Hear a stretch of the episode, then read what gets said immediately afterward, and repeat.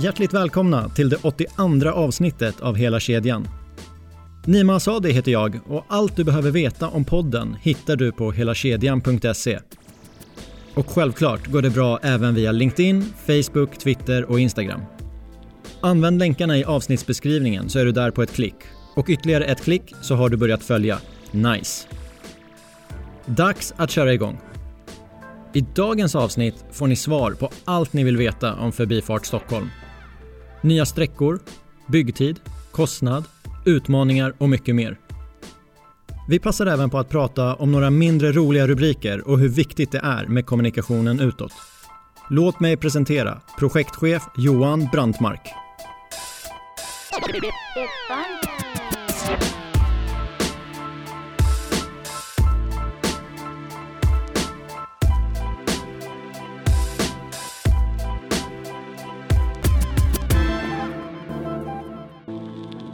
Varmt välkommen till hela kedjan Johan.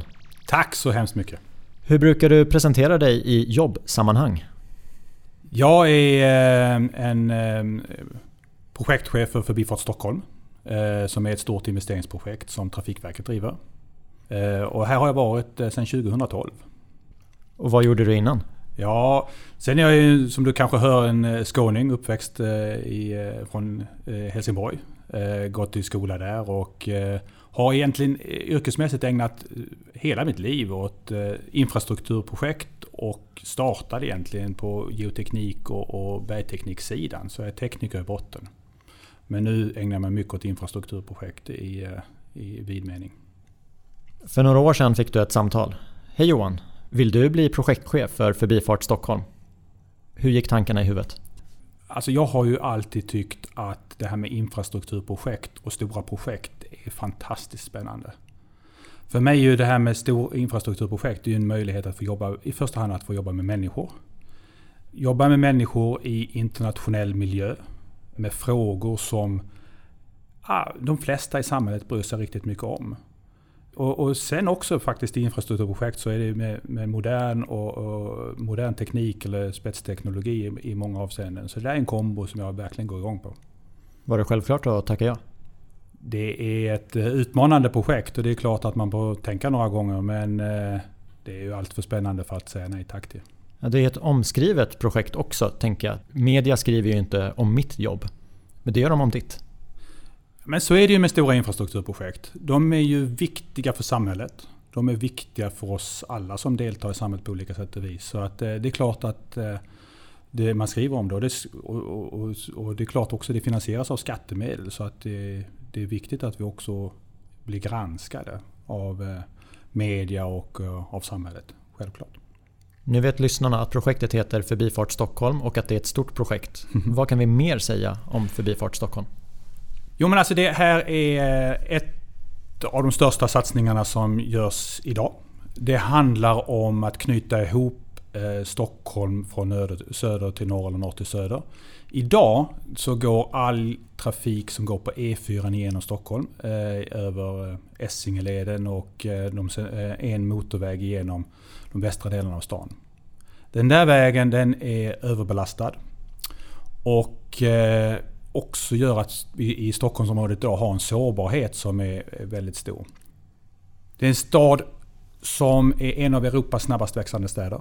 Och här gäller det ju att vi tar nu höjd för det Stockholm som finns 2050, 2060. Så att vi har en infrastruktur som fungerar då, som både är säker och trygg och att man kan komma runt i stan. Därför så byggs Förbifart Stockholm som en man kan säga att det är yttre ringvägen egentligen. Det handlar om att komma runt stan. Och man knyter ihop då Kungens kurva med, med Sollen, som ligger söder om stan med, med Sollentuna som ligger eh, norr om stan. Eh, via Love som ligger väster om stan. Så att eh, det är en västlig båge runt stan. Eh, och blir då en, en, kan man säga, en yttre ringväg.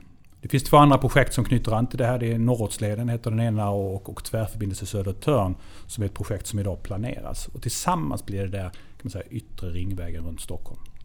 Och den här yttre ringvägen, vad, vad består den av? Ja, och då, då är det eh, det, det vi tekniskt bygger det är ju egentligen tre körfält eh, som man kan köra mellan 80 och 100 km i timmen på. Och det gör att man då från södra sidan stan kan få en, få en gång, eh, säker körtid upp till eh, Sollentuna på 15 minuter. Eh, idag så har vi då en eh, stor sårbarhet i vårt trafiksystem men vi har också en stor framkomlighets, stora framkomlighetsproblem genom att eh, vägnätet genom Stockholm ofta korkar igen. Så när vi är färdiga så har man också avlastat infartsvägarna in till Stockholm och eh, man kan använda det vägnätet på ett, på ett annat sätt. Hur lång blir den här ringleden? Mm. Eh, totalt är det 20 km tunnel eh, ifrån, Kung, eh, från Kungens Kurva upp till Sollentuna. Eh, 18 km i tunnel eh, om man kör från ena sidan till andra. Men totalt det vi bygger det är 55 km vägtunnel Eh, för det är rätt långa tillfartsramper och för att komma till på, eh, på, på de, bland de sex eh, trafikplatser som vi har. Och sen så ja, ska man komma fram och tillbaka. Men totalt 55 km vägtunnel bygger vi. Och en trafikplats, är det som en tillfartsled? Eller ja, vad, kan vad man mer? säga. Och, och, och, I andra delar av landet så kallar man, kallar man det motor och sådär. Men, men alltså det, det, är där vi knyter an. Nu bygger vi E4 förbi för Stockholm. Det går, knyter an från från Kungens Kurva söder till Sollentuna norr och sen vid, vid, sex platser så kan man köra ifrån pålar av eh, den här vägen till andra delar av vägnätet. När du kom in i projektet, var det bestämt vart de här trafikplatserna skulle placeras? Ja men så var det. Va? Eh, när sånt här projekt föds så, så är det, det, det är en rätt lång process. Så då börjar man här med en tillåtlighet. Eh, där man går till regeringen och, tar, och, och, och begär en tillåtlighet för ett sånt här projekt. Och, och, i det så beskrivs då projektet.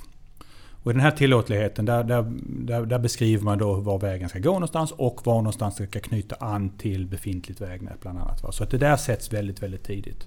Och när jag kom in i projektet 2012 Ja, då var vi väl igång med det som heter vägplan. Det är egentligen den kartan som definierar var vägen ska gå. Och det är den kartan som också ger Trafikverket, eh, när den väl har vunnit laga kraft, Trafikverket rätt att, att och statens vägnar lösa in privat egendom. Så den reglerar faktiskt ägarförhållanden mellan stat, det, det, det statliga, statens åtagande och privata ägandet och det allmänna ägandet. Eh, den där kartan den hade vi kommit väldigt långt med när jag kom in 2012. Och vad är det som påverkar exakt dragning? Finns det några faktorer som är viktiga att ta hänsyn till? Går man till väglagen så är det klart att då finns det ett behov här av att köra från norr till söder. Och det ska vi egentligen göra med minsta möjliga eh, påverkan på allmänna och enskilda intressen som det heter. Så att eh, vägen ska läggas på ett sådant sätt så att det påverkar omgivningen så lite som möjligt. I det där och i tillståndsprocesserna så kan man säga att eh, alla de kultur och naturvärden som vi har längs vägen, de har ju väldigt mycket styrt den här vägens utformning. Det är de som har styrt att vi hamnar i tunnelläge under Love, under andra eh, Love som är då den, den ö väster om Stockholm där bland annat Drottningholm ligger. Drottningholm och Drottningholms slott som för övrigt är ett, ett världsarv. Så det är väldigt natur, naturintensiv sträckning kan man säga. Mycket naturområden, mycket naturreservat. Men också ett världsarv. Eh, så att alla de där natur och kulturvärdena gör att man då har valt att gå i tunnel. Ganska länge så hade vi en bro också med i systemet här. Så att man skulle gå i tunnel fram till norra delarna av den här Love. Eh, och gå i en bro där över det vi kallar Lambafjärden man kommer in på norra sidan. Men även det har tagits bort och vi har lagt hela eh, sträckningen i en tunnel för att spara natur och kulturvärden. Jag tänker när man går i tunnel då, då är det ju viktigt med geotekniska förutsättningar. Hur mycket styr det eller är det lika? Nej men alltså det är klart att geotekniska förutsättningar styr. Så till exempel det här höjdläget nu på tunneln och även eh, sidoläget. Men höjdläget på tunneln då styr ju har, styrs mycket av geotekniken. Så att vi har lagt tunneln på, ett, på en sån nivå så att vi förmodas ha, ha, ha tillräckligt bra bergförhållanden längs vägen. Vad ligger vi på för nivå? Ja, och då går vi ungefär på 80 meters djup. Eh, och eh, 80 meters djup kan man tycka att då ligger vi långt under marken. Men det är ungefär som att, när vi tittar på backar och så när man kommer ner och upp här. Så är det ungefär som att köra på en bro fast upp och ner. Det är djupare än både gröna och röda tunnelbanelinjen. Ja men det blir det. Det blir en del schaktmassor. Mm. Vad använder ni dem till? Vi hade, för ett antal år sedan så hade vi kan säga, ett julklappstips från Trafikverket för att få lov att köpa våra 19 miljoner ton berg. Ehm, det var, ehm, för det är så mycket bergmassor som finns i den här tunneln. Och de använder inte vi, men vi har sålt dem.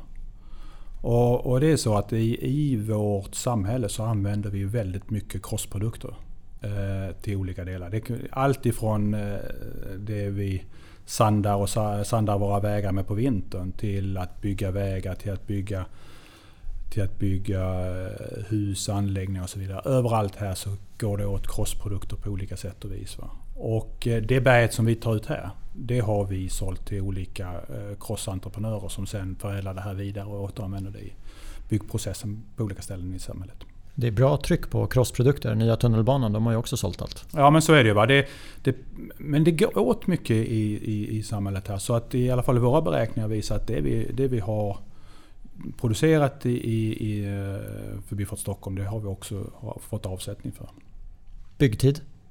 Ja, nu eh, öppnar vi för eh, trafik 2030. Kommer säkert tillbaka i det här samtalet. Vi hade ett tag 2026. Vi har justerat det, så 2030. Öppnar ni allt på samma gång då eller tar man en del i taget? Hur ja, funkar det? det? det? funkar så här då att eh, den norra delen eh, från Sollentuna till där vi passerar egentligen E18. E18 som går mellan Oslo och, och Stockholm. Där har vi en sån här trafikplats eller korsning då mellan den nya E4 och E18. E den delen den kommer vi att färdigställa först. Eh, vi undersöker nu om vi kan öppna den i förtid eller inte. Det är inte, det är inte riktigt klart än. Men den delen kommer vi själva att, att planerar vi att, att bli klar med först. Och sen resten, alltså ifrån eh, e E18 söderut, görs klart i en etapp hos oss. Så att eh, om vi öppnar allt för trafik samtidigt eller om vi kan öppna den norra delen, det håller vi på att titta på.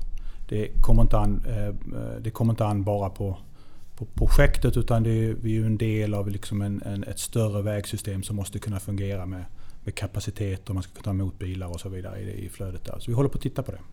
Om vi bortser från övriga vägar och samhällsvinster. För mm. Förbifarten-projektet, finns det några fördelar med att öppna en etapp var och en för sig eller att öppna allt på samma gång? Eller är det samma sak? Jag kan säga så här att vi, när man genomför hela det här stora projektet så, så, så styckar vi upp det här i delar naturligtvis. Va? Vi styckar upp hela projektet i, i, olika byggdelar som var och en liksom byggs för sig. Det är så vår organisation ser ut också.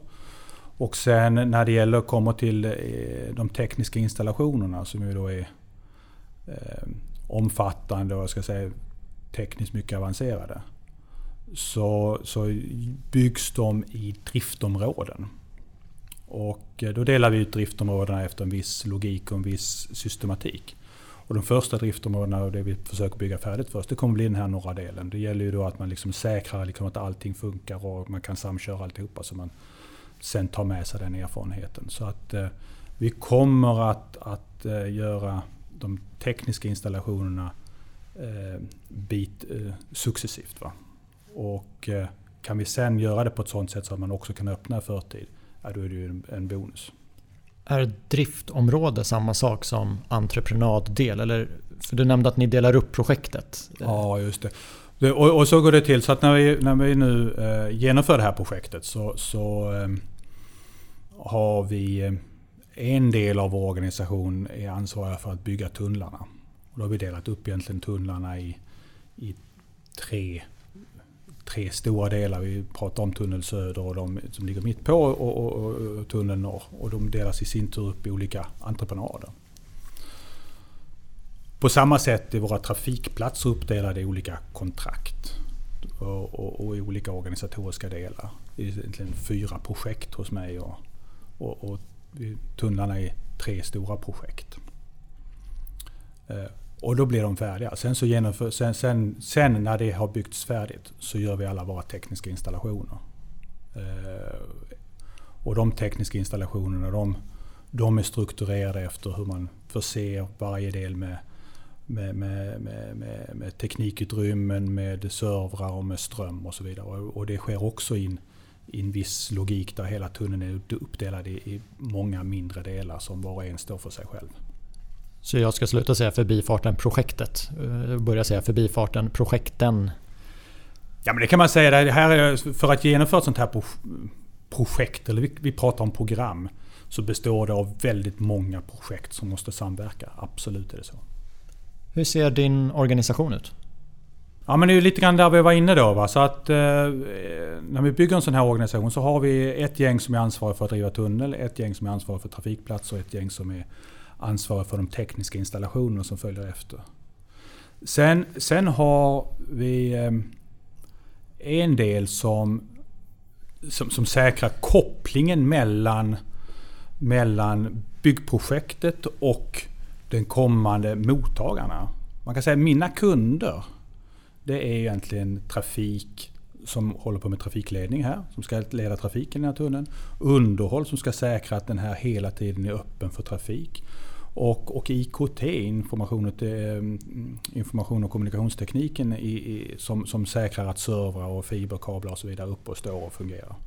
Så de där mottar. Och, och, då har vi en del av vår organisation som ser till att, eh, att eh, vi levererar på ett sådant sätt så att övriga organisationer kan ta emot. Det är en liten organisation som, är som, som, som bevakar det där. Sen har vi ju supportfunktioner naturligtvis för att säkra Ehm, att vi har ekonomistyrning och kvalitetsstyrning och så på det sätt som man förväntar sig i ett sånt här program. Sen eh, en av de väldigt viktiga framgångsfaktorerna här är att vi har goda kommunikationer och, och god kommunikation med, med omvärlden. Att, eh, att vi inte eh, inom citationstecken bara levererar en väg. Men hela vägen fram till dess att vi kan öppna för trafik är det väldigt många som påverkas av det här projektet. Man blir störd, eh, man eh, har frågor kring hur det går till och man har frågor kring vad det är vi gör av olika sätt på sätt och vis. Och då måste vi ha en, en bra kommunikation. Och det har vi också en organisation för som, som, som hjälper till att se till att vi har en, en bra, fram, eh, bra och, och tydlig och transparent kommunikation som berättar vad vi gör. Det är en riktigt viktig framgångsfaktor. När jag lyssnar på dig så inser jag att ni gör ju väldigt mycket. Mer än att bara bygga tunnlar. Hur många är ni i organisationen? Eh, idag är det ungefär 270 80 där någonstans heltidstjänster. Sen är det ju betydligt flera huvuden som är med i, i byggledningsorganisationen. Sen totalt på våra arbetsplatser så tror jag det är 1500 ungefär personer som checkar in på jobbet på en byggarbetsplats eh, varje dag. Sen, eh, men sen så är det ju många som projekterar, ritar eller levererar material, levererar varor och så vidare. Så att hur många som jobbar med ett sånt här projekt är faktiskt väldigt svårt att säga. Men att det berör väldigt många i samhället, den saken är helt klar. Vi spelar in det här i oktober 2020. N när når vi toppen, tänker jag, på involverad personal? Ja men det är nu eh, det här året och de kommande ska man säga, 3-4 åren. Som, som, vi, som vi eh, engagerar allra, allra flest personer. Okay. Investeringskostnad för projektet? Ja, det här är ett projekt som går över lång tid. Då måste man hålla reda på, på vilket penningvärde man pratar om. Så att det som eh, vi pratar om idag det är det 2017 års penningvärde och då är det 37,7 miljarder. Det är en del pengar. Det är väldigt mycket pengar. Ansvar. Också, absolut. Det här är ju ett stort projekt. Det påverkar många. Många tycker till. Mm. Eh, om vi fokuserar på din roll i det här. För du har ju fått ansvaret att ro hem där. Du ska mm. vara med och leda ett team som utför det här projektet på bästa möjliga sätt. Ja. Går det att lyckas i din roll?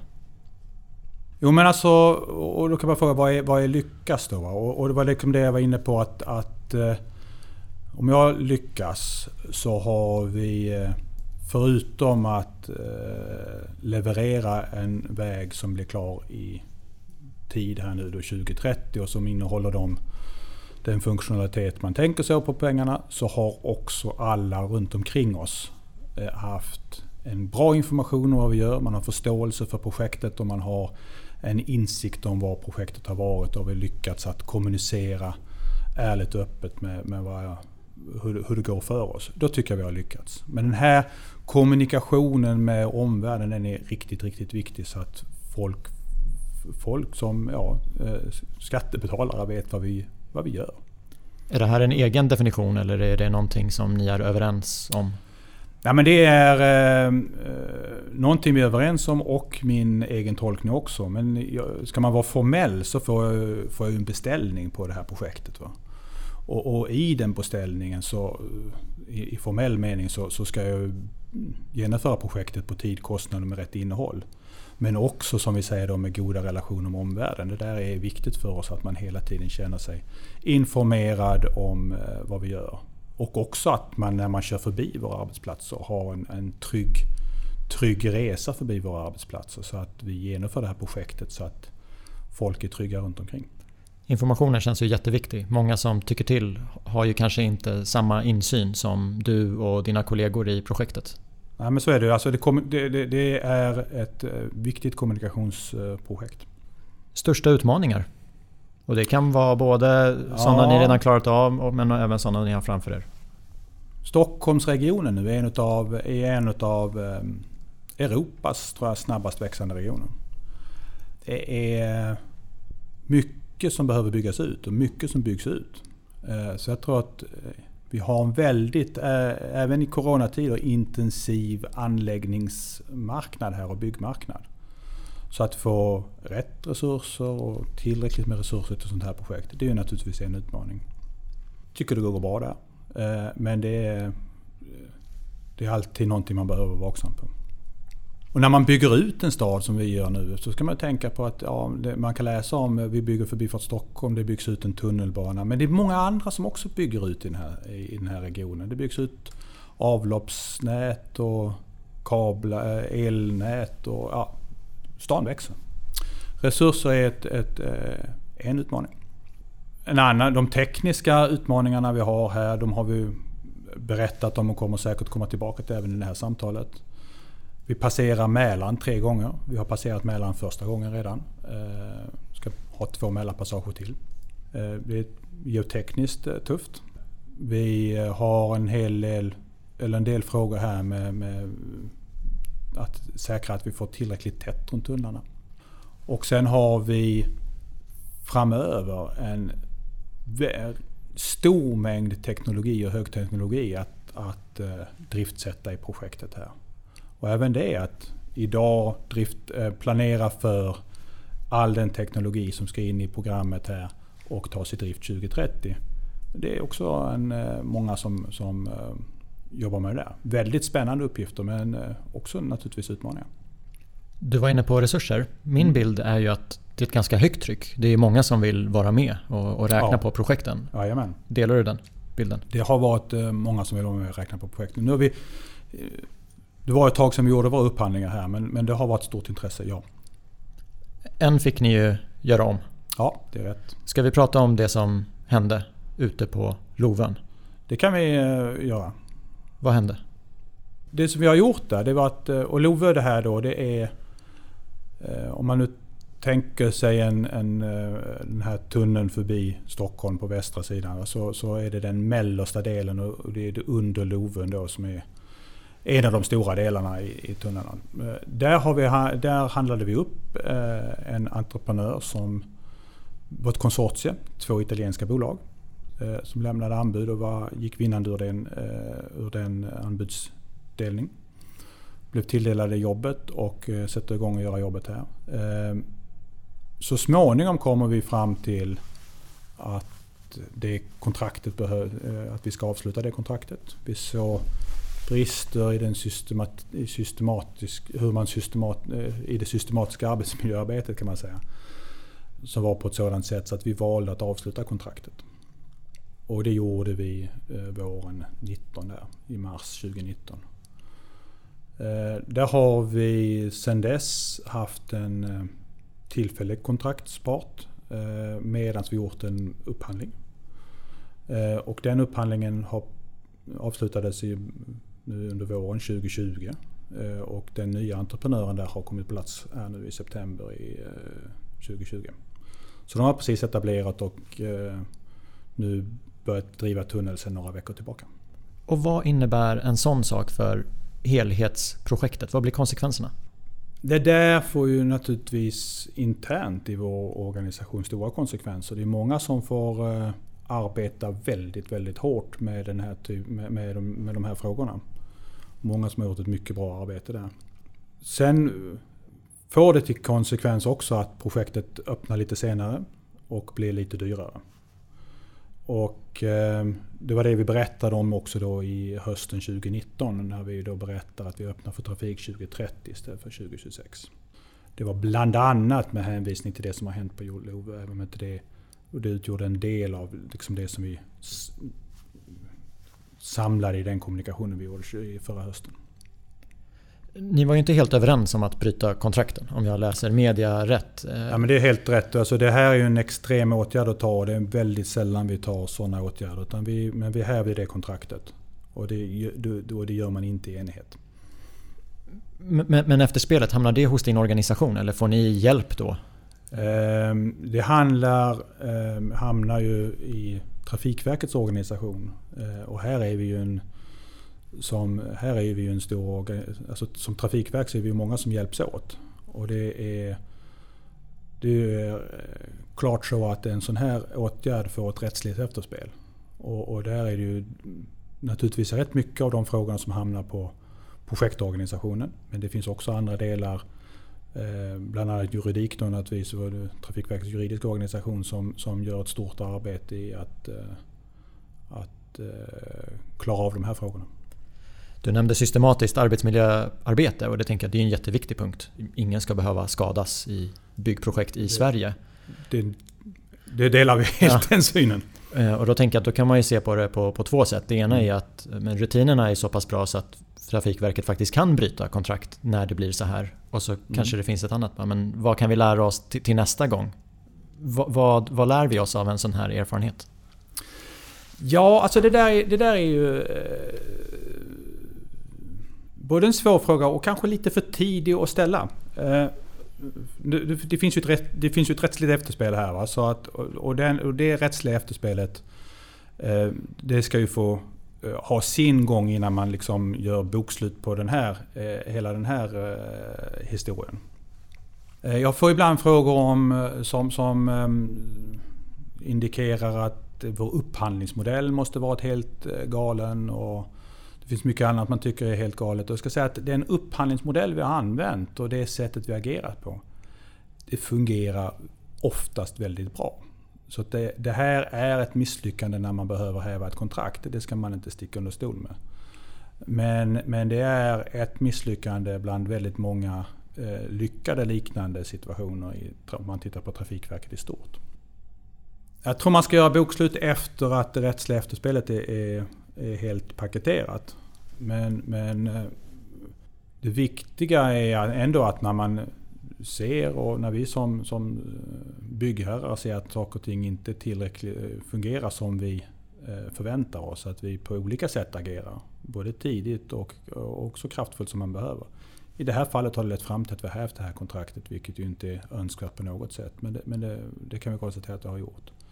I andra fall så försöker vi hela tiden vara en, en, så delaktig i byggprocessen som möjligt och både påminna och, och trycka på och berömma. Du var inne på tekniska komponenter, att det är en utmaning i mm. projektet. Det är ett komplext system. Jag tänker när det är så långa ledtider så kan det ju komma nya lagkrav också.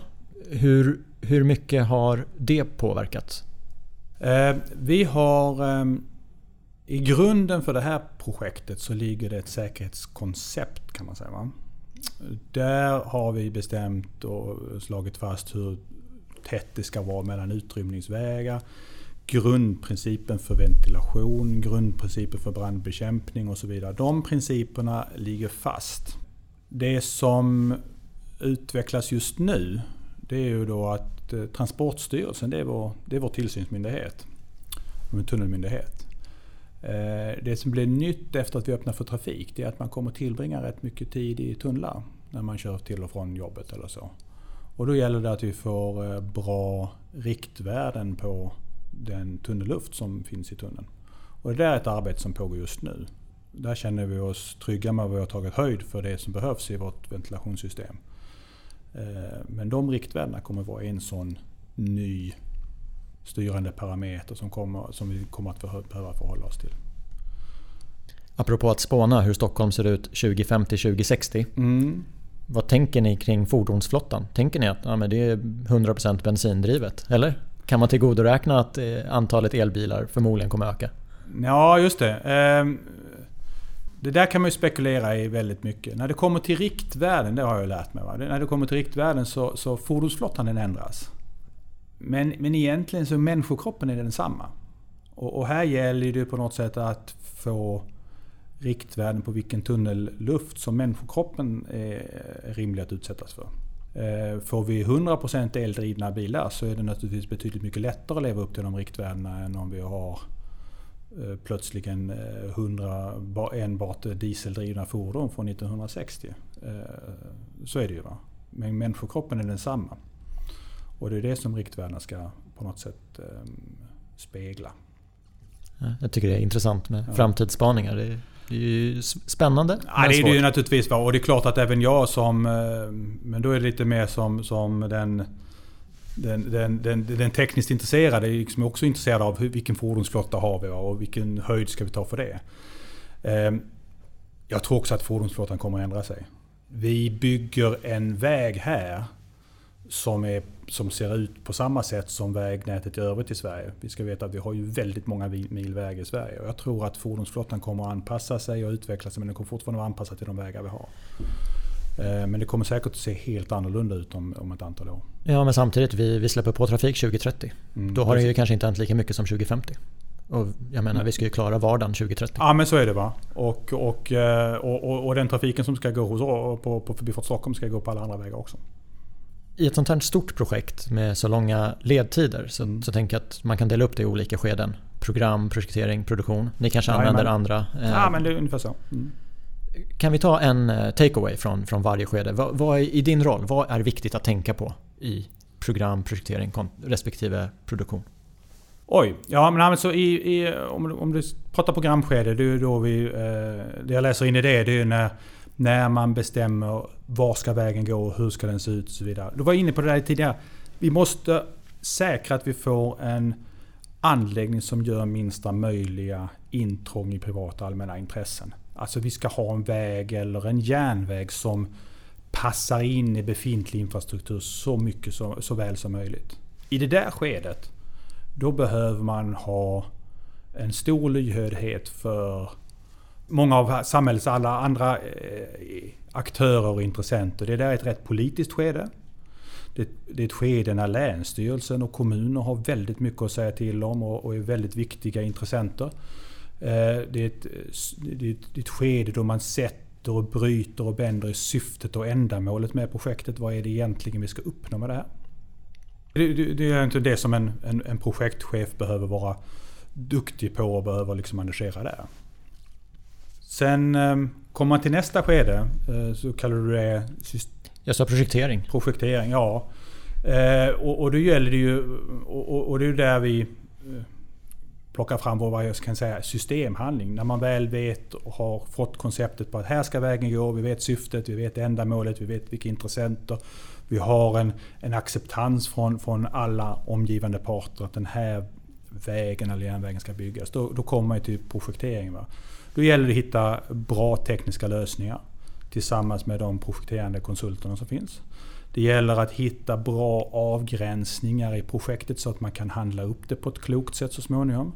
Så att varje bit så att säga, rimligt väl står för sig själv och kan föra vi, föras vidare i värdekedjan. Så att säga. Eh, så hitta bra avgränsningar på projekteringen, hitta bra tekniska lösningar, hitta bra byggbarhet. Det är väl viktigt i det skedet. Sen kommer man till byggskede. Och eh, någonstans där så, eh, så är det ju viktigt att man får duktiga entreprenörer som har rätt teknik för att genomföra projektet. Att man lägger ansvaret för både det tekniska genomförandet för miljö, arbetsmiljö på rätt plats eh, i, eh, bland parterna här. Det finns ofta en projektör, det finns oss som byggherrar och sen så finns det en entreprenör. Och, och, och, och, då ska man fördela det här ansvaret och fördela riskerna mellan de här parterna på, ett riktigt, på rätt och klokt sätt. Ehm, det är väl det som är det viktiga i det där skedet. Och sen i nästa skede när det kommer, sen så blir det så småningom färdiga, så, så, så gäller det liksom att lämna över. Då, och då gäller det, och det gäller, det, det, det har man ju egentligen med sig från första, ska man ha med sig från första projekteringsskedet. Det är ju vad är det vi ska lämna över för till, till, vår, till, till driftorganisationen. Så att vi har någonting som också är driftbart va? och säkert i driftskedet. Så det, det, kan man väl liksom lägga till för både projektering och byggskedet här. Det gäller verkligen att man får ett system som är ändamålsenligt för att tas i drift. Och det vi också tänker på nu i det här skedet är att vi handlar upp installatörer på ett sådant sätt så att man kan, kan gå över till driftskedet på, på ett smidigt sätt. Att man får eh, instruktioner, garantier och även utbildningar för liksom hur man ska hantera alla tekniska installationer på rätt sätt. Att man får med sig det till driftskedet. Ett av världens längsta tunnelprojekt. Är det en korrekt beskrivning? Ja, men det är, ett, eh, det, det är ett, en korrekt beskrivning. Jag tror med den här trafikmängden att det kan mycket väl vara världens längsta tunnel. Men kan, ett av kan vi i alla fall definitivt enas om. Och det har ju byggts en del vägtunnel i Sverige de, mm. de senaste åren. Mm. Som ni säkert kan inhämta lite erfarenhet ja. därifrån. Men vart, vart kollar ni när ni vill eh, få input för att ta fram den bästa lösningen? Mm. Man kan säga först att ja, men det här är en av världens... Och då kan man fundera på vad, vad betyder det för, för Stockholmsområdet och infrastrukturen här? Alltså, det är att um, projektet är ju... Egentligen innebär det en... När vi öppnar för trafik så innebär det en dubbling av det vi säger är komplexa vägar här.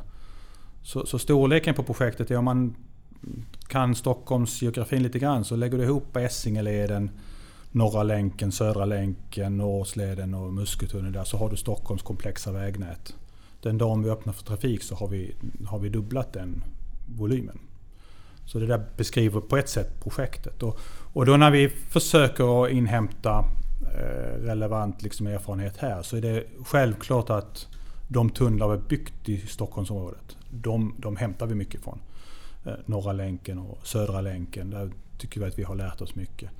En, ett annat närliggande projekt som, som jag vet att installatörerna eller vårt installationsgäng tittar en del på.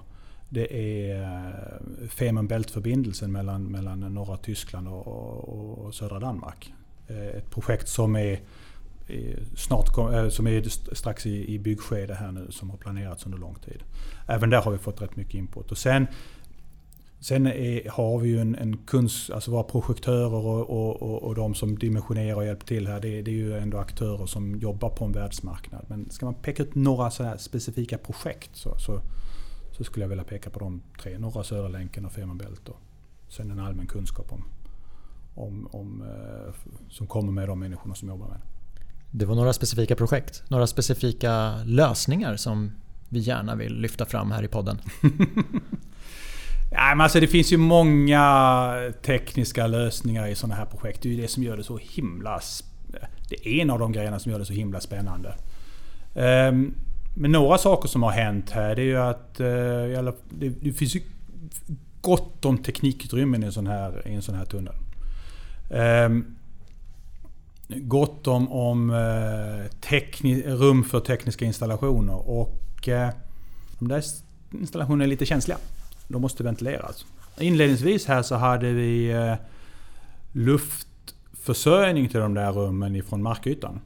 Eh, men eftersom vi bygger genom naturreservat och så, så var det, eh, försökte vi bli av med dem. Så att nu har vi utvecklat ett sätt där vi kan faktiskt ta luft ifrån tunnelluften och rena den så att vi sen har den som även kylning och ventilation i våra teknikutrymmen. Det där känns ju rätt spännande självförsörjande. Det så det, ja, det är lite självförsörjande. Och vi har sparat, vi har ju sparat rätt mycket intrång i, i uh, markkulturvärden på det sättet. Uh, det där är ett exempel. Vi har ju passerat en Mälarpassage här precis. Där var det uh, sämre geoteknik faktiskt på den nivån än vad vi hade initialt räknat med. Och där har vi också fått använda rätt mycket nya eller andra tekniker för att anpassa tunneldrivning och så. Men det har vi lagt bakom. Eh, och det, och det har vi kommit igenom nu på ett, på ett betryggande sätt. Även på det här med brandsäkerhetsaspekten eh, här, så titta på till exempel vårt, vårt brandkoncept här va, vad det gäller räddningsvägar och ventilation och hur man ska ventilera ut brandgas och så vidare. Så finns det simulatormiljöer där som är, är någonting som vi tycker känns både spännande och, och bra att hålla på med faktiskt. Som också är lite high tech. Som husbyggare så mm. kan jag tycka att det finns en spännande komplexitet i att eh, planera, budgetera och köpa in arbeten där vi i detalj inte riktigt vet hur det ser ut i mm. marken. Mm. Hur arbetar ni med att hitta det här förhållandet mellan, för jag antar att ni kan göra massa förundersökningar. Mm. Och vissa saker är så här, men vi får, vi får se. Mm. Hur jobbar ni med det? Nej men alltså det där är ju, måste ju gå under rubriken lite grann aktiv design. Alltså att man har en, en, en, en konceptuell modell över hur det ser ut. Man undersöker, man bekräftar det.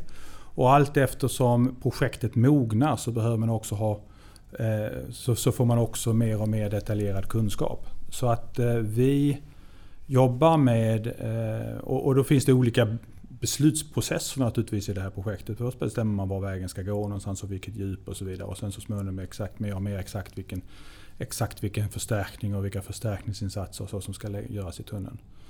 Så att eh, det är ett successivt kunskapsinhämtande kan man säga. Först är det förundersökningar och sen så har vi ju detaljerade undersökningar från tunneln. Så till exempel när vi nu kommer från, till vår andra Mälarpassage så har vi gjort undersökningar från markytan men vi kommer också göra kärnborrhål och så vidare ytterligare framför oss för att verifiera att de ansatser vi har gjort är, är korrekta. Och är de inte det så finns det både plan B och C som man kan då ta till. Men, men eh, vi jobbar med att eh, successivt verifiera att de antaganden vi har gjort är korrekta. Hur samarbetar ni med entreprenörerna? När kommer de in i, i processen och hur funkar ert samspel? Eh, det där beror lite på eh, entreprenadform. Om man tittar på tunneln så har vi en ordning, egentligen en, en ordning i Sverige där vi säger att eh, beställaren är ansvarig för de geologiska förhållandena i tunneln. Och vi handlar upp det med det ansvarsförhållandet också. Och det gör vi på ett sådant sätt att, att som beställare har vi projekteringsansvar. Så vår projektör tar fram då ritningar och, och, och, beskrivningar på hur berget ska hanteras i olika situationer. Och sen handlar vi upp entreprenörer som vi då ersätter för de förstärkningsmängder och det jobbet som görs. Och visar det sig att det går åt mer förstärkningsmängder, då ersätter vi för mer förstärkningsmängder. Och är det mindre så ersätter vi för mindre. Så det där är en utförande entreprenad. Ni anger i handlingarna och, hur man ska göra? Ja, då anger vi i handlingarna hur man ska göra. Eh, på, som, som en utförande entreprenad, det är så det går till där. Och sen så på, på ovanjordsentreprenaderna, det är stora betongkonstruktioner. Eh, eller broar. Där entreprenörens val av produktionsmetod också ofta styr hur ritningar behöver se ut och hur man ska armera och hur man ska bygga. Och i de här anläggningarna där valet av produktionsmetod så att säga, är styrande, där, är det, där väljer vi att handla det här som en totalentreprenad. Där, där vi ger ramarna och entreprenören gör, gör den slutliga projekteringen. Eh, så att, så att ju mer entreprenörens val av metod eh, har betydelse för genomförandet, ju, ju mera normalt ligger på entreprenören också att projektera. Så tunnlarna, det är lite, så här är det. Så, så tunnlarna gör vi som utförande entreprenad, ja så här ska vi bygga. Och, och entreprenör på, total, på ovanjordsdelarna har vi berättat, så här vill vi ha det. Och här finns ju en flora av olika benämningar. Eh, men, men, men i grund och botten så finns det ju två regelverk som vi jobbar efter. AB och ABT. Utförande entreprenad och totalentreprenad. Allmänna bestämmelser för utförande och allmänna bestämmelser för totalentreprenad. Och det är de vi använder här också. Eh, sen, sen är ju samarbete och samverkan det är ju alltid viktigt. Eh, jätteviktigt för att man ska lyckas tillsammans. Det där är, ibland används de begreppen också som en, en, en entreprenadform. Va? Och det, det, där vänder jag mig kanske lite grann emot. Va? För att samarbete, det vill jag mena på att det kan man ha i alla former av entreprenader. Eh, samverkan kan man ha i alla former av entreprenader. Sen ersätter vi och ha en ersättningsform som är på, på fasta priser eller på löpande räkning. Men, men samarbete det ska man ha på alla, all, både alla nivåer och, och i alla entreprenader. Jag håller med dig och så tänker jag att om man frågar vad en samverkansentreprenad är så får man nog ganska så många olika svar. Du får jättemånga olika svar och det finns många som eh, då eh, förknippar det med löpande räkningsuppdrag på olika sätt och vis. Och ibland är det motiverat att ha det. Vi har en form av löpande räkning på, nu på, på Lovo i den entreprenaden vi handlade upp där till följd av, till följd av hävningen. En, en löpande räkning med successiva riktpriser. Eh, ibland är det motiverat. I det här fallet så fanns det stor, mycket befintligheter och, och eh, stora risker som inte vi kunde se att entreprenören på den tiden vi skulle handla upp det här hade, hade skäl att prissätta.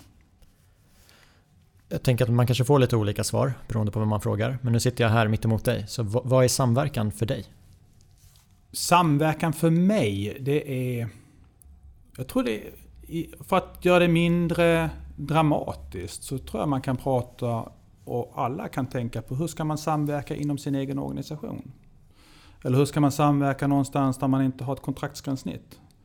Men, men att... Och, och då kan man säga att då är det ofta självklart att eh, du ska leverera på tid. Du ska leverera eh, med rätt kvalitet. Om jag ber dig komma och göra någonting så förväntar jag mig att jag eh, som ber om någonting kan uttrycka mig tydligt. Kan leverera förutsättningar och, och tala om vad det är man vill ha. Och den andra parten talar om att Nej, men det där kommer jag inte kunna leverera eller det där kommer jag inte kunna göra. Eller också faktiskt göra det man lovar. Och någonstans där ligger väl grunden i en bra samverkan. Att kunna uttrycka tydligt både vad man kan leverera och vad man vill ha levererat. Eh, och hjälpas åt att skapa bästa förutsättningar för att få saker och ting levererade. Och, och inte, och då kan man komma tillbaka till eh, leverantörs och, och byggherrerollen. Så, så samverkan är inte att eh, bara säga att nu har jag beställt det här så nu går du hem och levererar. Utan att verkligen förstå den andra partens problem och behov. Det är inte alltid man kan tillgodose dem. Men man måste hela tiden kunna förstå den andra partens problem och behov. Det är viktigt. Det är, kan lägga grunden, eh, grunden till en, en, god samverkan. Men om man inte har en förmåga att förstå den andra partens problem eller behov. Eh, då har man ju väldigt svårt att, att samverka. För då då, då, då kommer man aldrig förstå varandra. Att ansvara för 37 miljarder, mm. det, det kommer ett ansvar med det. Vilka mätetal stämmer du av innan du kan ta helg? Ja, innan jag tar helg på, på veckobasis kan man säga att nej, det, det, det är ju inte... Var, varje vecka eh, som projektchef så stämmer jag inte av någonting varje vecka. Men, men däremot så eh, det är klart för att, att, att det är viktigt att man håller både budget och tid. Eh, det är ju superviktiga mätetal. Eh, och, för att, eh, och ett annat riktigt, riktigt viktigt mätetal det är ju hur omgivningen uppfattar oss. Det undersöker vi löpande. Liksom att man uppfattar att man får en, en relevant information. Och också hur man ser på, hur man ser på projektet och vilken oro man har, vilka, vilka, vilka, vilken, vilken syn som, som de som finns runt omkring oss har på projektet. Det där, det där mäter vi eh, löpande. Hur ligger ni till på det sista? Nej, men alltså vi, vi har en uppfattning av att, att eh, projektet är, är uppskattat. Eh, att man, man har, har, generellt sett en, en positiv syn på projektet och att den information vi kommer ut med eh, begrips och går fram. Eh, det, det, är faktiskt vår bild idag.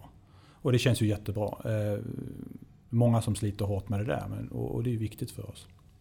Det är bra. Ja. Jag googlade lite inför ja. det här mötet mm. och hittade några rubriker som inte är så roliga. Ja. Jag tänker att vi, vi pratar om dem. Det går jättebra. Och det där är ju viktigt. Va? Det är, det mesta som skrivs om oss, det är också sånt där som vi mäter, det är ju neutralt. Sen finns det ju en, en, en riktigt viktig del i att faktiskt granska en person som i och det här projektet, vad vi gör. Och då skrivs det om det. Ja, Så det kan vi prata om. Nu ska vi prata om det. Jajamän. Nummer ett. Mm. Förbifart Stockholm försenas fyra år och blir drygt 3 miljarder dyrare. Mm. Och där har ju du varit inne på Loven-delen. Mm. Vad finns det mer för delar som har påverkat det här? Ja, just det. Det var, det var det vi berättade om i, i förra hösten. Och, och, och Lovedelen var en del. Vi har också från de ursprungliga planerna lagt till tid för Mälarpassager. Och vi har också ifrån de ursprungliga planerna lagt till tid för att eh, testa och integrera de, de eh, tekniska installationerna. Det är en högteknologisk anläggning som ska testas och driftsättas. Och, och det får vi säga att det, det, har vi lagt till mera tid också i tidplanen för. Så de där grejerna gjorde att vi gick från 2026 till 20, eh, 2030. Eh, och de här 3,3 miljarderna 2017 penningvärde. De kommer också ifrån både från Love, från de här Mälarpassagerna, från, från eh, tätning av vatten som jag sagt tidigare. Eh, jag ska vara ärlig med att när jag satt och googlade, jag, jag mm. hittade ju inte så mycket. Jag hittade ju dels den här förseningen och fördyrningen. Mm. Jag hittade Lovön och att mm. den entreprenören stämmer. Mm. Eh, så hittade jag också den här. Förbifarten läcker pengar åt alla håll. Reaktionerna är starka efter SVDs uppgifter om hur Trafikverket agerat vid köp av fastigheter som mm. anses stå i vägen för Förbifart Stockholm. Då tänker jag, hur känns det att, att läsa det? Läcker pengar åt alla håll. Ja, jo, nej men alltså det... För mig själv så är det ju väldigt, väldigt viktigt att jag kan titta mig själv i spegeln och säga att vi gör ett bra jobb och vi gör så gott vi kan. Eh, och det kan jag.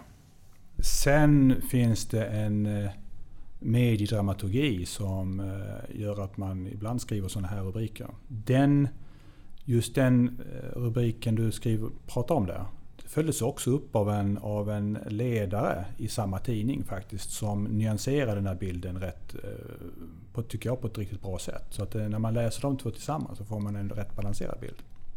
Så att för mig personligen så säger jag att så länge jag själv tittar mig i spegeln och känner att vi har gjort rätt och vi har gjort ett bra jobb. Så, så eh, får ju media stå för sin rubriksättning och kan svara på frågor när man kommer och ställer dem till mig. I det här fallet så handlar det ju om vad vi ersätter för att lösa in fastigheter. Eh, och eh, det där är ju en, eh, det där är en svår fråga. För där ska man veta att där kommer vi som företrädare för staten och ska lösa in privat egendom. Och det gör vi efter ett visst regelverk och vissa värderingar. Och allt vi löser in, det finns det värderingar för. Och i det här fallet så är det ju, var det bland annat här frågan om hur man värderar möjligheten till att bygga ut fastigheter och så vidare. Och det var det som låg till grunden här. Och då kan man säga att en fastighet som finns där det ska byggas en motorväg, det är ju inte värd någonting. Men då ska man veta också att de här fastigheterna finns ju först. Och sen kommer vi som företrädare för staten och ska bygga en väg. Då får vi lösa in fastigheterna där till ett rimligt värde och det tycker vi att vi har gjort. Det är ett stort projekt. Det är statliga medel som finansiering. Mm. En aktuell fråga i hela bygg och anläggningsbranschen i Sverige nu är ju schyssta villkor. Ja. Hur jobbar ni med att säkerställa att det på era arbetsplatser bara finns schyssta villkor? Ja. Dels, och det, det finns ju med, här var vi ganska tidigt ute redan när vi handlade upp så, så kravställde vi på sociala krav. Eh, det gör vi nu i, alla Trafikverkets upphandlingar att, att man ska ha naturligtvis kollektivavtal och att man ska ha eh, liksom rätt ersättning för rätt jobb. Och det där utvecklas ju ständigt. Vi var tidigare här med att kravställa att våra entreprenörer skulle ha en bra eller skulle ha en kontakt med, som det var då, eh, Stockholms arbetsmarknadsförvaltning. För att på det sättet ha en möjlighet att slussa in folk som står lite grann utanför arbetsmarknaden in i, i jobben. Eller in till jobb när man nu gör en så här stor infrastruktursatsning. Det där har ju fortsatt med och det finns ju också då nu krav på, på att man eh, plockar in, eller att man har kontakt med Arbetsförmedlingen och att vi plockar in folk i våra investeringsprojekt som står utanför arbetsmarknaden. Sen har vi ju ett samarbete med Skatteverket. Eh, vi har samarbete med Arbetsmiljöverket. Eh, där vi har ett introduktionsprogram som säkrar att alla entreprenörer får information och vet hur man ska göra och betala här i Sverige. Eh, vilka regler som gäller. Vi, vi följer upp att man har kollektivavtal som jag sa. Och att man har en, en eh, löpande dialog med eh, Skatteverket där man berättar om sin verksamhet. Så att det är öppet, så öppet och transparent som möjligt. Har ni några uppföljningar på arbetsplatserna? Att Arbetsmiljöverket, Skatteverket och Ja, det har vi. Och, och vi har en, en, en, en, firma som... Eller vi, vi, vi har uppföljningar på, på, på, arbetsplatserna kring detta.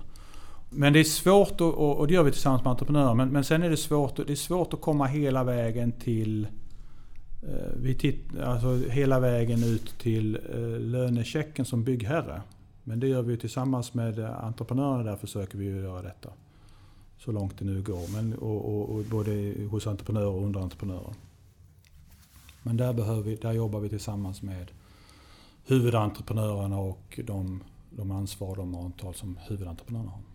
Ja, det är bra att ni gör någonting. Där har vi en branschutmaning. Där, där alla måste kroka arm. Vi har definitivt en branschutmaning. Och eh, som byggherre finns det delar man kan göra men absolut så är, kan man inte göra allt som byggherre. Vi sitter här i oktober 2020. Mm. Det är lite mer än nio år kvar till 2030. Mm. Vad har vi för milstolpar att se fram emot? Ja, alltså... Eh, vi öppnar ju för trafik 2030. Det får man ju säga är den ultimata milstolpen. Eh, men eh, även längs resans väg här så en stor milstolpe kommer vara när vi har sprängt färdigt. Någonstans där kring 2025.